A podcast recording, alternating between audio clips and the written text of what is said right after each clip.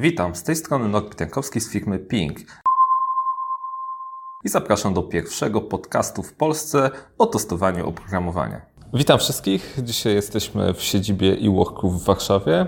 Razem ze mną jest Aleksander. Jakbyś mógł powiedzieć i przedstawić się słuchaczom? Kilka Dzień słów. dobry. E, tak jak już kolega wspomniał, nazywam się Aleksander Zygmunt. Jestem e, biopartnerem, znaczy się Business Operations e, i odpowiadam m.in. za wszelkie maści tematy umowy negocjacyjne, plus jestem chyba pierwszą osobą do kontaktu tak naprawdę, jeżeli chodzi o współpracę konsultantów z firmą Biowork. Okej, okay, dzięki. Mieliśmy dzisiaj porozmawiać na temat umowy o pracę kontra B2B. Jak najbardziej jest to dosyć obszerny temat, ale postaramy się dzisiaj jakoś skompresować to na tyle, żeby było to przejrzyste i w miarę zrozumiałe dla, dla słuchacza. Porównamy sobie, wymienimy, postaramy się przynajmniej wymienić te takie podstawowe plusy i minusy w moim rozumieniu obu tych form współpracy. No i myślę, że to gdzieś powinno faktycznie pomóc w przyszłości. Super. E, Pamiętam, jak ja przechodziłem z umowy o pracę na właśnie B2B i to było do, dla mnie dość stresujące z tego względu, że tam trzeba było coś po urzędach było pochodzić, założyć własną działalność i trochę tych rzeczy zrobić. Plus są pewne minusy, są pewne plusy. Natomiast większość preferowanego zatrudnienia obecnie jakby mm, w IT jest B2B. Tak. Ze względu chyba na szybkość i możliwość zmian. To jest jakby jedna rzecz, bym powiedział. Znaczy, tu musiałbym przede wszystkim e, delikatnie sprostować to, co powiedziałeś. Okay. E, B2B to nie jest forma zatrudnienia, to jest forma współpracy. To jest dosyć istotny temat. Formą zatrudnienia są wszelkie maści umowy, które my mamy. Umowa o pracę, zlecenie, dzieło. To możemy mówić o formie zatrudnienia. E, umowa B2B jest normalnie w świecie kontraktem między firmą a firmą, więc jakby delikatnie zasady tutaj inne obowiązują. I dlaczego to mówię? Jest to dosyć istotne, ponieważ jakby z tego tytułu teoretycznie nie obowiązuje nas kodeks pracy w przypadku B2B, a już w przypadku e, dzieł umowy o pracę i tak dalej musimy, że tak powiem, korzystać tylko i opierać się tak naprawdę na, na, na tym kodeksie i ze wszystkimi plusami i również wszystkimi jej minusami na dobrą sprawę, tak? Więc jakby no kwestia odpowiedniego podejścia do tematu, tak naprawdę. Co do tego, co powiedziałeś na początku, trochę trzeba polatać po urzędach. To tak, też jest dobre sformułowanie, troszkę trzeba, ale, ale nie za dużo, jak mam być szczery, tak? Właśnie dużo osób boi się tego, Wydaje mi się, że to jest jakaś niesamowita rzecz do przeskoczenia i trzeba posiadać jeszcze większą wiedzę na ten temat. No wcale nie. Tak? W tej chwili już mamy ten system na tyle usprawniony, że jeżeli ktoś jest względnie sprawny, to w jeden dzień na spokojnie powinien taką, taką firmę sobie założyć bez żadnego problemu. Jeżeli chodzi o tematy e, wszelkie księgowe, czyli podatki, o których też dziś zaraz postaram się powiedzieć, no to powiedziałbym tutaj, że też nie ma się czego bać. Najnormalniej w świecie trzeba skorzystać z usług biura księgowego. Nie jest to duży koszt. E, powiedziałbym nawet, że w porównaniu do tego, ile możemy dzięki temu zaoszczędzić, to jest koszt nawet prawie żaden tak? a mamy całkowicie temat z głowy e, rozliczenia podatków, rozliczenia faktur, dostajemy po prostu informację, ile i gdzie mamy zapłacić i to jest mniej więcej tyle. E, fajnie by było, gdyby jeszcze to biuro księgowe było ubezpieczone na wypadek ewentualnych pomyłek, wpadek, takie, że się zdarzają, rzadko, bo rzadko, ale oczywiście mogą się zdarzyć, zawsze to jest tylko i wyłącznie ludzka praca, w związku z czym jeżeli e, będziemy szukali takiego biura, to sprawdźmy przy okazji, czy to biuro jest ubezpieczone na, na wypadek ewentualnych po prostu błędów. Tak?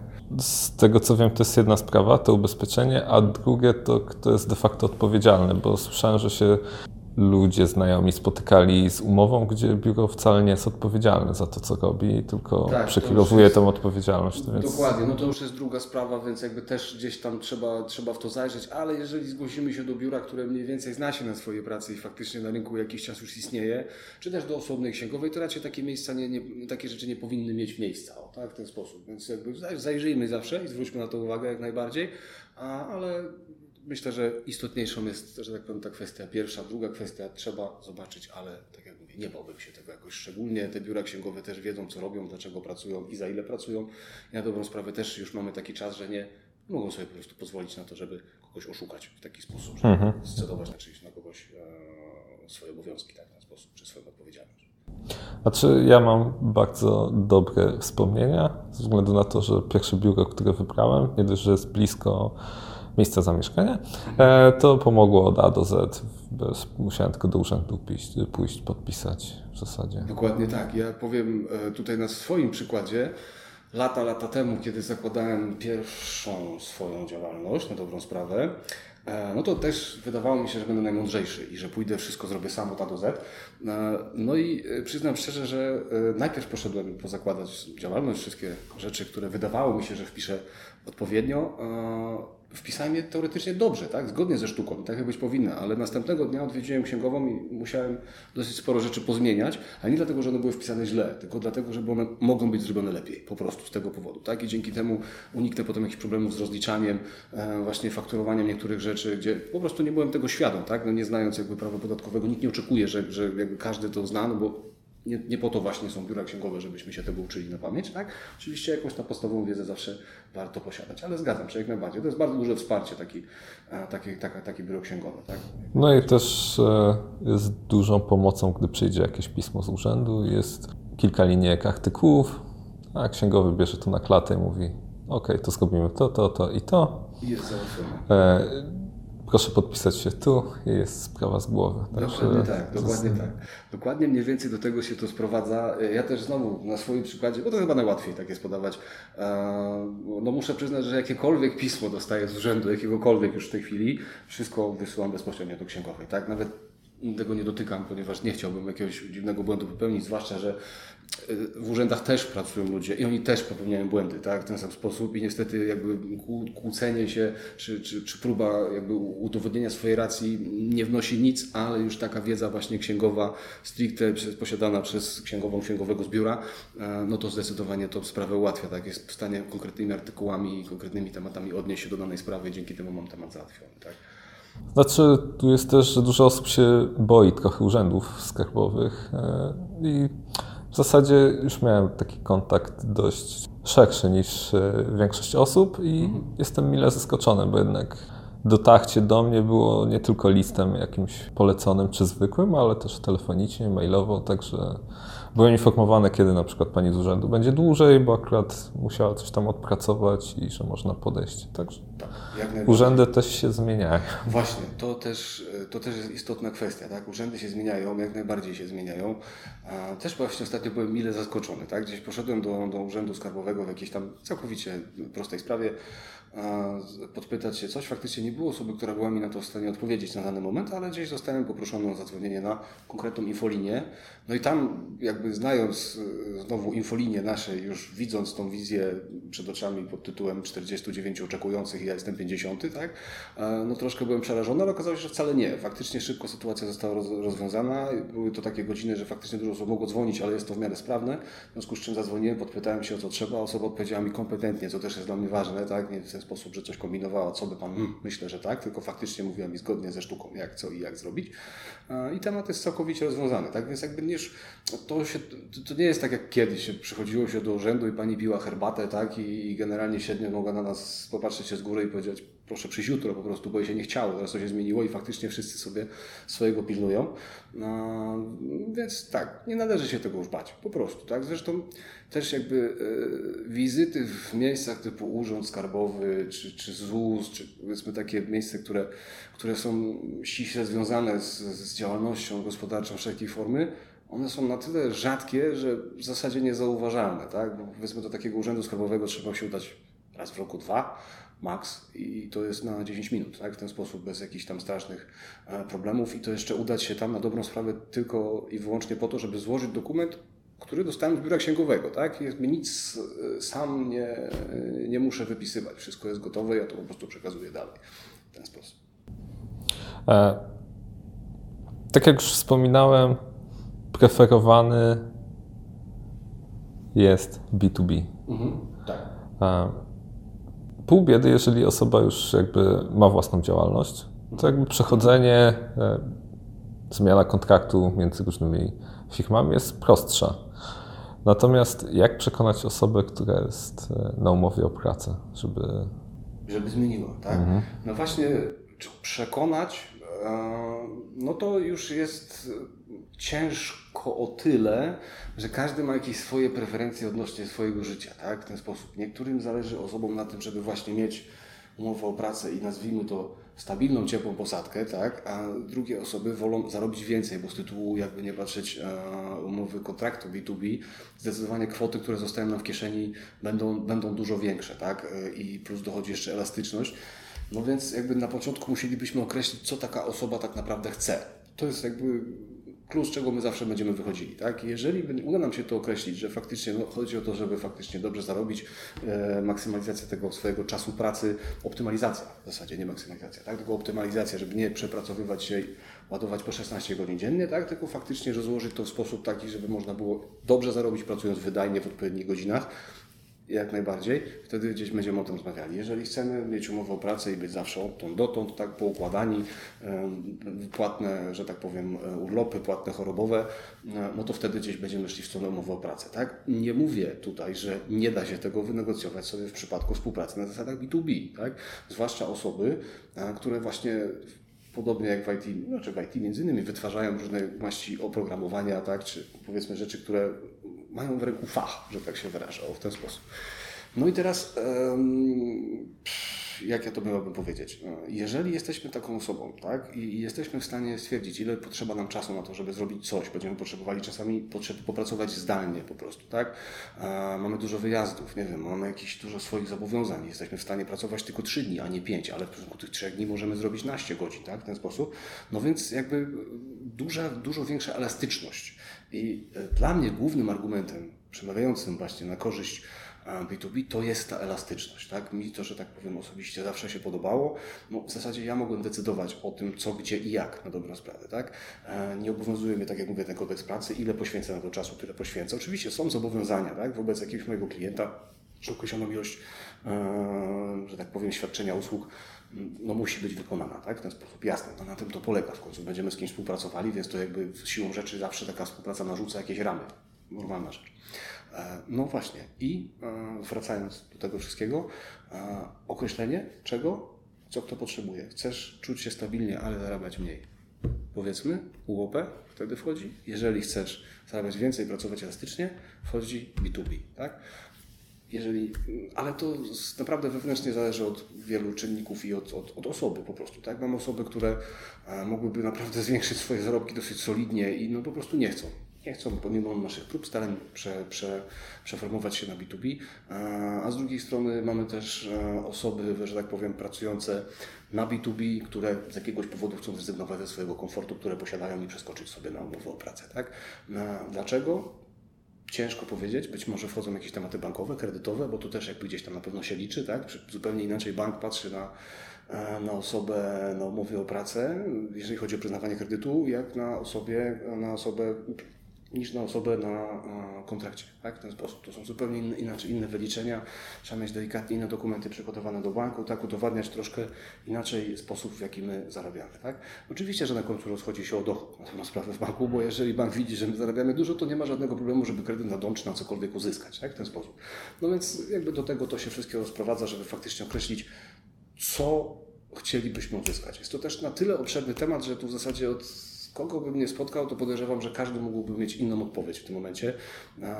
No ale do tego by się to sprowadzało, tak bym stwierdził. Więc jeżeli miałbym kogoś przekonywać na przejście z B2B, znaczy, przepraszam, z umowy o pracę na kontrakt B2B, to elastyczność byłaby e, tym głównym moim argumentem. Tak? I możliwość rozwoju w odpowiednim dla siebie e, kierunku. Tak? Powiedzmy, działając na na B2B też nie jesteśmy zobowiązani właśnie tym kodeksem pracy do, nie wiem, trzymiesięcznego okresu wypowiedzenia, tak jakieś rzeczy, które my musimy robić, bo nam szef kazał w ten sposób, tak? Po prostu rób to i generalnie masz to robić i teraz przy naszych, powiedzmy, e, wszelkiej maści chęciach i próbach podjęcia jakich, jakiejkolwiek inicjatywy, żeby to zmienić, zrobić coś innego, jakiś, powiedzmy, inny projekt, inne stanowisko, dużo może się rzeczy, że tak powiem, zmieniać, no to może być to problematyczne. W przypadku B2B tego problemu zazwyczaj nie ma, tak? ponieważ możemy najnormalniej w świecie świadczyć usługi dla co najmniej kilku osób, jeżeli potrafimy, jeżeli mamy na to czas, jeżeli jesteśmy w stanie, tak, e, że tak powiem, przerobić.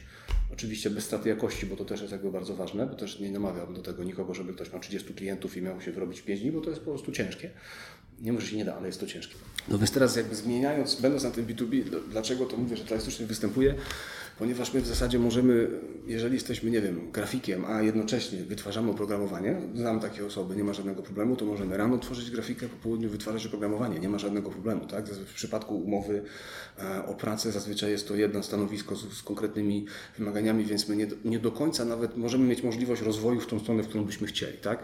Więc jeżeli mamy ten kontrakt B2B i faktycznie nawet mamy jakieś rozważania pod tytułem kurczę, czy chcę programować nie wiem, czy chcę w tym momencie właśnie robić grafikę, bo to jest to, o co mi chodzi, to przynajmniej mam okazję się przekonać, gdzie i co zrobię, tak? Więc jakby dla mnie to jest, to jest ważne. Zmiana ewentualnie później e, profilu działania, czy zmiana e, swoich klientów, tak? No bo to tak mówimy, świadczymy usługi dla klienta, nie dla pracodawcy. E, no to będzie zdecydowanie łatwiejsza niż w przypadku umowy o pracę, tak? To by były takie podstawowe różnice na dobrą sprawę, czyli stwierdziłbym, że tak jeszcze raz podsumowując, umowa o pracę stabilność, ale brak elastyczności, kontrakt B2B również daje stabilność, przy czym przy odpowiednich negocjacjach, przy odpowiednich zapisach w umowie, które możemy sobie uzyskać, oraz do tego jeszcze daje elastyczność. Tak? Kwestia tego, co po prostu kto chce wybrać. Mi jeszcze się wydaje, że jeszcze można powiedzieć o takiej dodatkowej zalecie. Jeżeli właśnie chcemy zmienić mm, swoją ścieżkę kariery, to w firmach albo korporacjach jest czasami trudniej z, różny, z różnych względów. Powiedzmy, albo jakiś dział no już nie planuje rozwoju i planują ten dział albo zmniejszyć, albo zamknąć.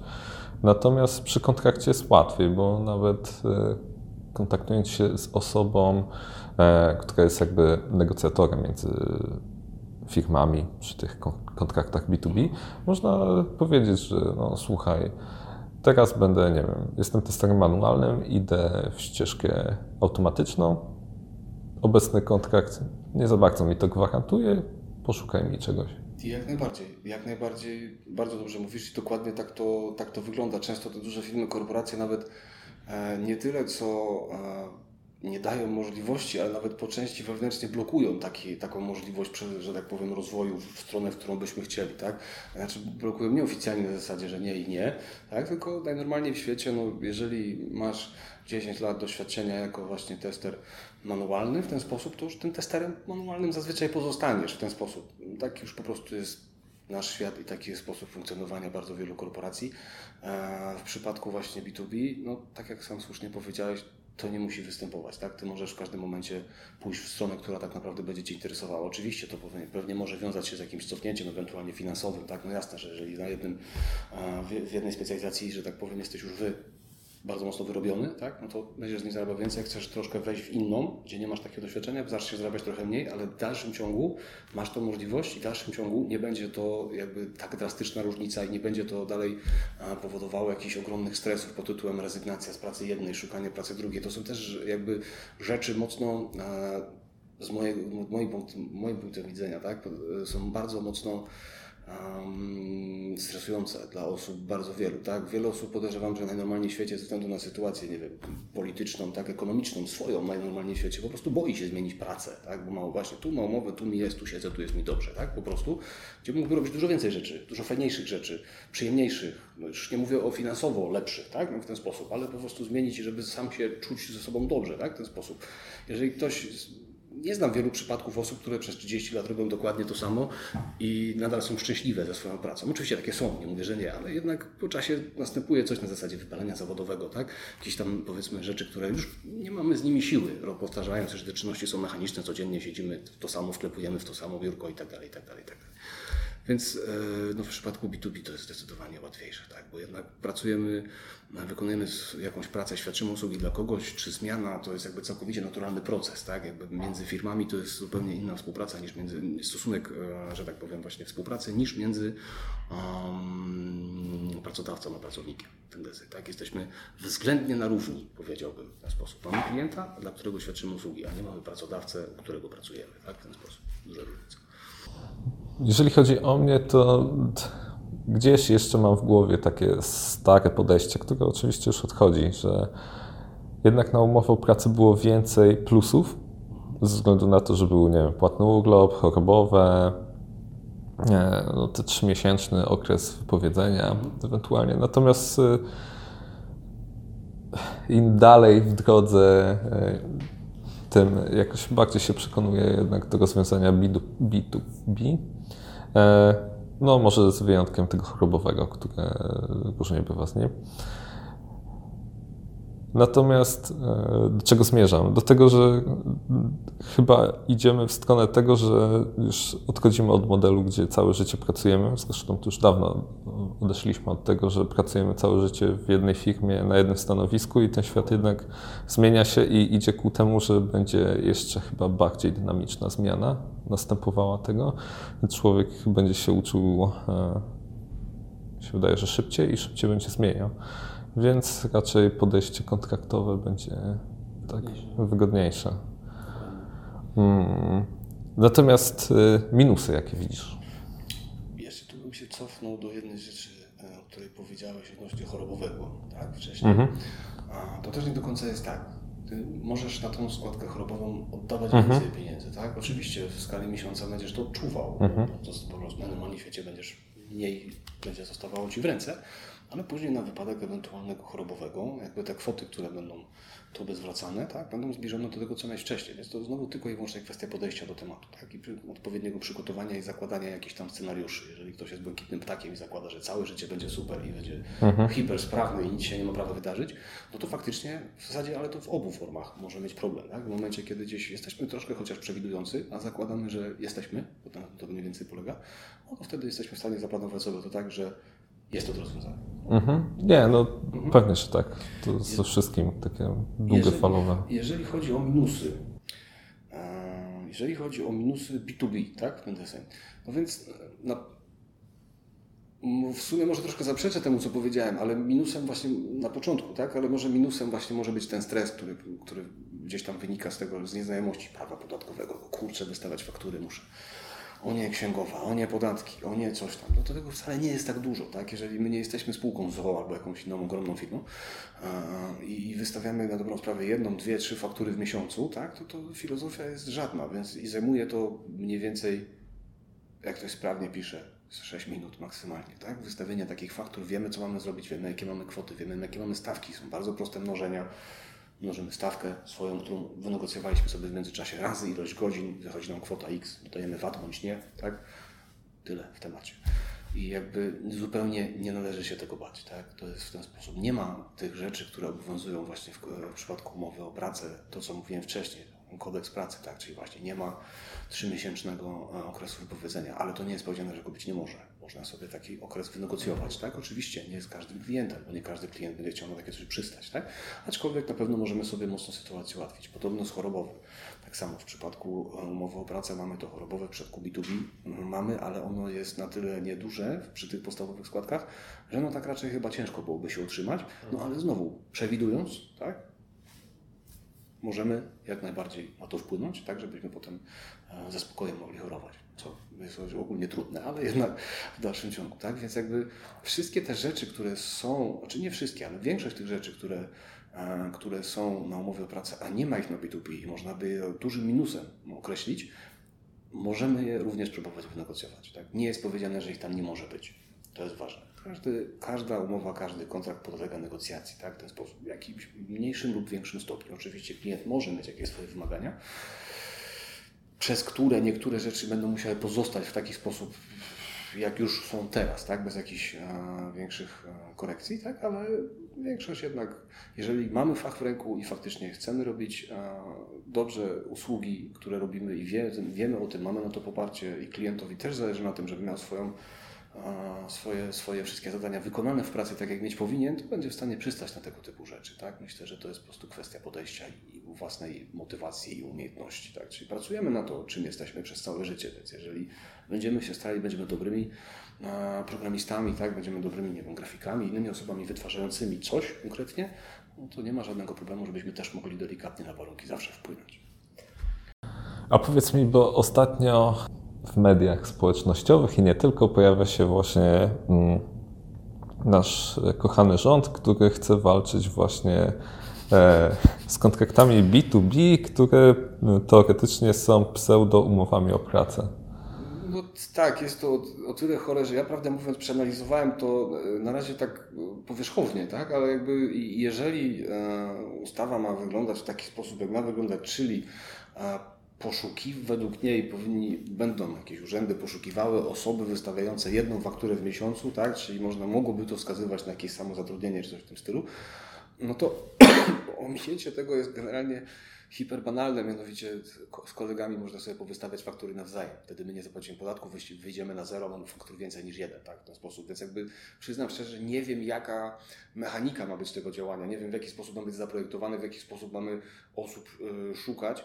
No, znaczy my, no, w jaki sposób będą wyszukiwane osoby, które będą, nazwijmy to, oskarżane o samozatrudnienie tak, i omijanie podatków. Nie mam dla tego pojęcia, nie widzę tego, bo jest to zbyt łatwe do ominięcia. E, no, druga rzecz jest taka, że o ile nie mylę się, to przedsiębiorców w naszym kraju jest w okolicach 3 milionów. Jeżeli to jest bardzo duża masa, tak? To nie jest 100 osób, 200 osób, które można skontrolować, zabrać i, i, że tak powiem, zostawić potem z powrotem, tylko jeżeli to jest 3 miliony osób, to będzie 3 miliony sposobów na to, jak tego nie robić i 3 miliony sposobów odpowiedzi na to, dlaczego przede wszystkim tego nie robić i dlaczego taka forma musi pozostać, tak? Więc na tą chwilę nie obawiałbym się. Tak jak powiedziałeś, nasz rząd poszukuje wszędzie w tym momencie pieniędzy, bo nam obiecywał dużo, no jakby siłą rzeczy coś z tego musi dać. Nie szuka w tych miejscach, w których powinien. Tak jest moje zdanie. E, jaki tego będzie efekt, nie wiem, ale myślę, że może tylko przysporzyć im problem większy niż mniejszy, tak, w tym mhm. przypadku. No bo to jest tak jak mówię, 3 miliony osób. Jeżeli nasz kraj ma powiedzmy 40 milionów mniej więcej mieszkańców, no to 3 miliony to będzie tak prawie 8% czy coś w ten deseń. Nie? To jest dosyć spora liczba, tak? A Warszawa ile ma w tej chwili mieszkańców? Pamiętasz? Nie, nie mam pojęcia. Około 2 milionów będzie? Znaczy milion, no to powiedzmy, że Warszawa i jeszcze pół, tak? W ten sposób, no. I wszyscy mieliby się postawić w tym momencie, bo jestem przekonany, że nikt nie będzie z tego powodu zachwycony, że miałby być ścigany za coś, że wykonuje, świadczy swoje usługi zgodnie z prawem, tak? W ten sposób, bo to nikt nic nie oszukuje, to jest, mamy napisane rzeczy. I tego się trzymamy, tak, w ten sposób. Więc to myślę, że jest delikatny pic na wodę e, póki co. A jeżeli dojdzie do takich kontroli, to w dalszym ciągu jakoś szczególnie bym się tym tematem nie przejmował. Za proste jest to do ominięcia na chwilę. W ten sposób. No dobra, to jeszcze chciałem porozmawiać o dwóch rzeczach, mm, które gdzieś tam nam wyszły podczas naszej e, rozmowy wcześniej.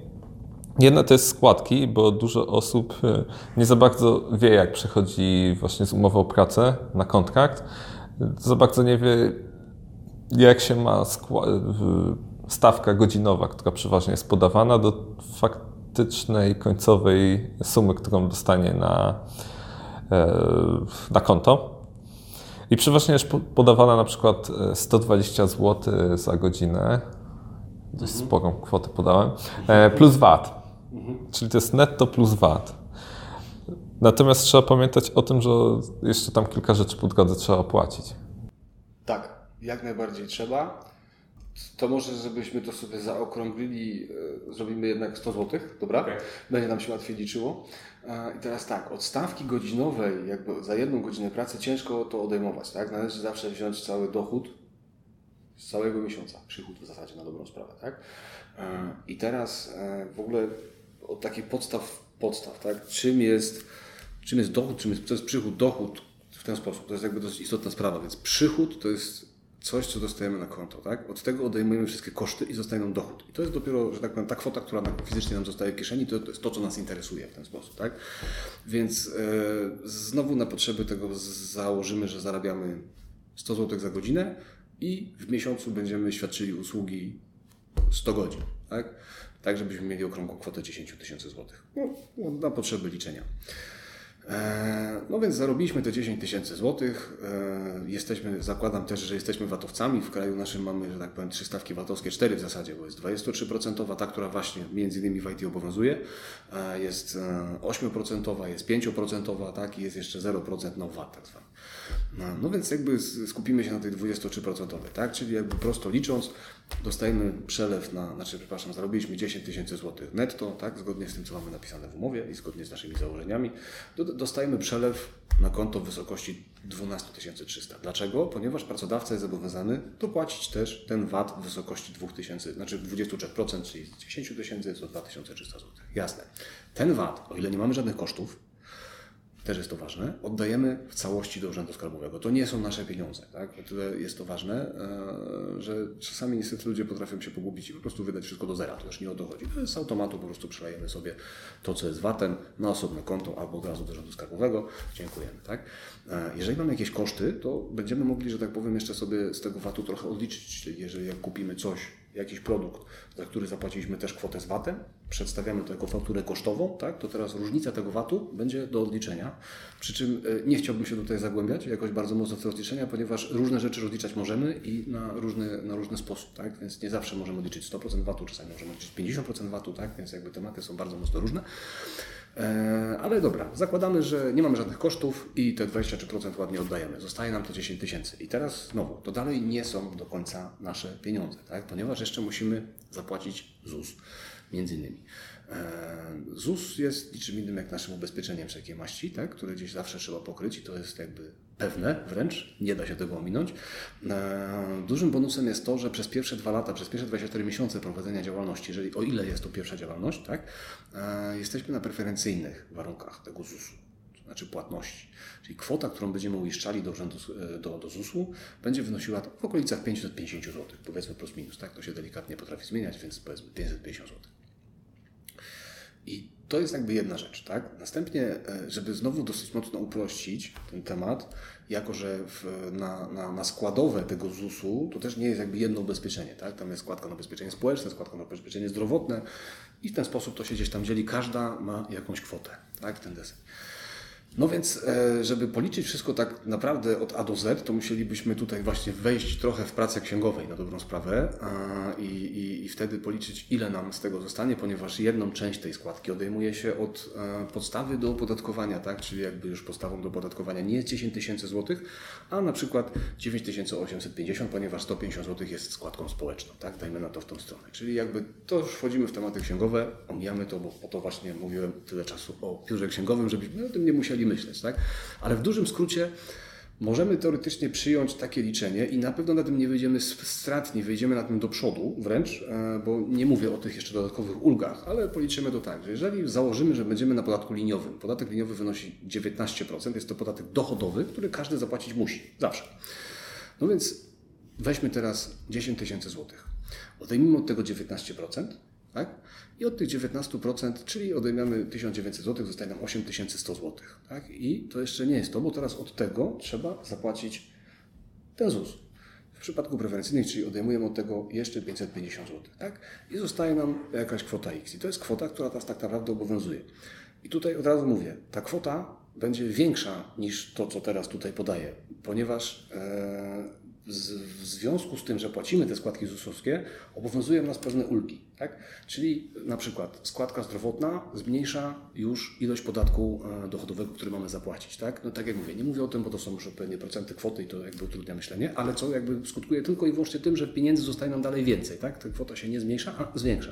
Bo jeżeli nie, jakby no, zapłaciliśmy raz składkę zdrowotną, i jednocześnie e, mamy podatek do zapłaty, nie wiem, 2000 zł, tak? No to teraz pomniejsza się, to już tego podatku mamy 1700, czyli znowu do naszej kalkulacji, do tego X, które nam zostało, te 300 gdzieś tam zawsze możemy, e, możemy dodać. Podobnie jest ze składką spo, społeczną bodajże, która też e, obniża podstawę opodatkowania, tak? Na samym początku, czyli jakby nie liczymy tego, tych 19%, o których mówiłem, od kwoty e, 10 tysięcy, tylko od kwoty 10 tysięcy minus ta składka, tak? Dopiero to jest podstawa do opodatkowania w ten sposób. No więc jakby tu jest dużo takich jakby niuansów, e, o których, tak jak mówię, nie boimy się ich i nie, w ogóle o nich nie myślimy, ani się nimi nie martwimy, ponieważ to robi za nas biuro księgowe i jakby my sobie śpimy spokojnie i nam fajnie zawsze zostaje pieniędzy tyle, ile potrzeba. Tak? Dodatkowo tu jeszcze właśnie wchodzi ten temat, e, ten temat tych kosztów, ponieważ te koszty, jeżeli mamy, to jedna rzecz, że możemy odliczyć sobie VAT, tak? w ten sposób jakąś część tego podatku VAT, czyli już nam na starcie zostanie trochę więcej, a druga część, że również w taki sam sposób zmniejsza nam się podatek dochodowy. Dokładnie. Więc ten podatek też dochodowy będzie na dobrą sprawę uzależniony od tego, ile i jakie mamy koszty w danym miesiącu, tak? Na co, co nie gdzieś mamy dużo wyjazdów, tak? Musieliśmy sobie opłacać hotele, musieliśmy kupić, nie wiem, nowy komputer, musieliśmy kupić jakieś oprogramowanie bardzo drogie, to dużo rzeczy. Wszystko na wszystko bierzemy fakturę, wszystko rozliczamy, wszystko nam księgowa rozlicza i dostajemy informację, co, co mniej więcej i jak, tak? Więc jakby wracając znowu do początku, w dużym skrócie tego, tego wyliczenia, zawsze możemy sobie przyjąć, że odejmujemy podatek i odejmujemy składkę ZUS-owską. Tak? Powiedziałem, że ta składka ZUS-owska wygląda na, na, na poziomie mniej więcej 550 zł przez pierwsze 24 miesiące. Co się dzieje później? Ona wzrasta dosyć znacznie, po tych, to już jest prawie 1300 zł. Tak? Ale znowu, w dalszym ciągu, jakby im ta stawka większa, no to tym większe składowe, tym więcej możemy odliczyć od podatku, tak? Na dobrą sprawę. Więc jakby to gdzieś tam nie jest aż taka fatalna różnica, żeby przykładowo umowa o pracę mogła konkurować z kontraktem B2B. Tak? W dalszym ciągu przy umowie o pracę te kwoty będą dużo mniejsze przy takim samym założeniu. Tak? Jeżeli pracodawca ma do przeznaczenia na nas 10 tysięcy złotych, to najpierw on musi opłacić wszystkie koszty pracodawcy, potem my dostajemy kwotę brutto i my też z tej kwoty brutto musimy opłacić jeszcze zestaw właśnie ubezpieczeń, podatków i tak dalej i zostaje nam dopiero kwota netto, czyli to, co nam dostaje w kieszeni. Tak? Czyli zostaje nam powiedzmy w okolicach 5-6 tysięcy złotych przy takiej kwocie, a jeżeli pracodawca daje na nas 10 tysięcy, tak? A jeżeli pracodawca ma na nas 10 tysięcy, jesteśmy na kontrakcie B2B, no to jakby już prosto policzyć, nawet przy założeniu, że, e, że tak powiem, przyjmiemy tą kalkulację bez odejmowania też tych składek i tak dalej, to, to już nam zostaje na starcie prawie 1500 zł więcej.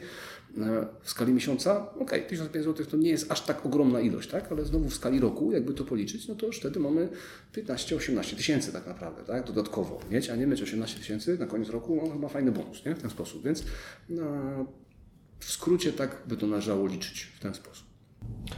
Jeszcze chciałem Dlatego o tym wspomnieć, by osoby, które zaczynają i nigdy jakby nie miały e, takiego kontraktu, żeby wiedziały, że jednak ta stawka godzinowa jest ciut niższa de facto niż jest podana, żeby mieć to na uwadze przy ewentualnym rozważaniu, czy, czy przejść, czy nie przejść. Natomiast to, co jeszcze nam udało się wychwycić z takich minusów, e, to jest właśnie to, że przy zakładaniu działalności trzeba podać miejsce, i jeżeli osoby są przyjezdne, na przykład przyjechały do Warszawy, to mogą mieć z tym problem, z tego względu, że przeważnie wynajmują lokum. Prawda, słuszna uwaga. E, I tutaj bym dwutorowo proponował rozwiązanie. Pierwsza rzecz zawsze jest taka, że jeżeli ktoś wynajmuje mieszkanie zgodnie znaczy z umową, tak, nie robi tego gdzieś tam bokiem pod stołem komuś płacąc, a zakładam, że na tym to polega, żeby faktycznie umowę na takie mieszkanie mieć, to zazwyczaj jednak ci wynajmujący mieszkanie problemu nie mają, tak? O ile to jest właśnie e, świadczenie usług na zasadzie e, wytwarzania oprogramowania, które jest w ogóle nieinwazyjne, bo siedzimy po prostu przy komputerze, tak, ten deseń, a nie na przykład rzeźbimy, nie? No, bo coś, coś ten deseń w domu, co, co może skutkować jakimś dźwiękiem, problemem, niszczeniem dookoła, więc to jest jakby jedna rzecz, ale nawet jeżeli z jakiegoś powodu nie będzie chciał nasz, e, nasza osoba, znaczy właściciel naszego mieszkania upoważnić nas do tego, żebyśmy tam prowadzili działalność, to mamy teraz bardzo dużo innych fajnych rozwiązań, mianowicie na przykład biura wirtualne. Tak?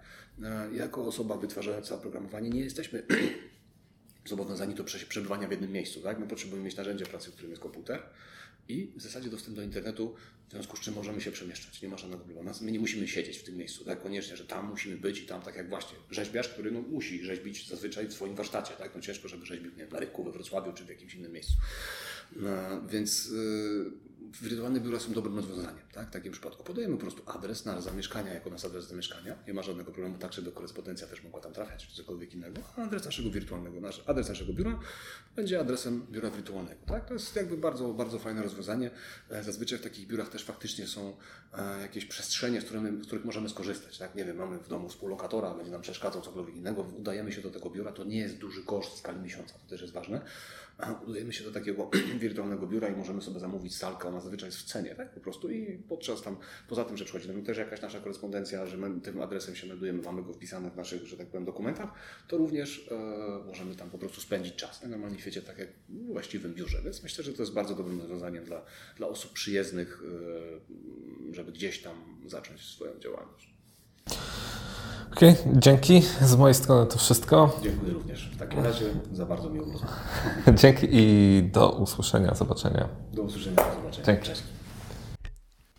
Jeżeli ten odcinek Wam się podobał, pomyślcie, żeby wesprzeć mój podcast poprzez platformę Patronite. Jest tam kilka fajnych poziomów wsparcia, zaczynających się od 5 zł, gdzie umieszczę Was na Wall of Fame na stronie podcastu. Dowiesz się, jaki będzie kolejny odcinek i będziesz mógł zgłosić własny odcinek. W sensie temat, pomysł na odcinek. Wyższy poziom za 10 zł dostaniesz to, co z niższego, plus filmik za kulis tego, jak był dany odcinek realizowany.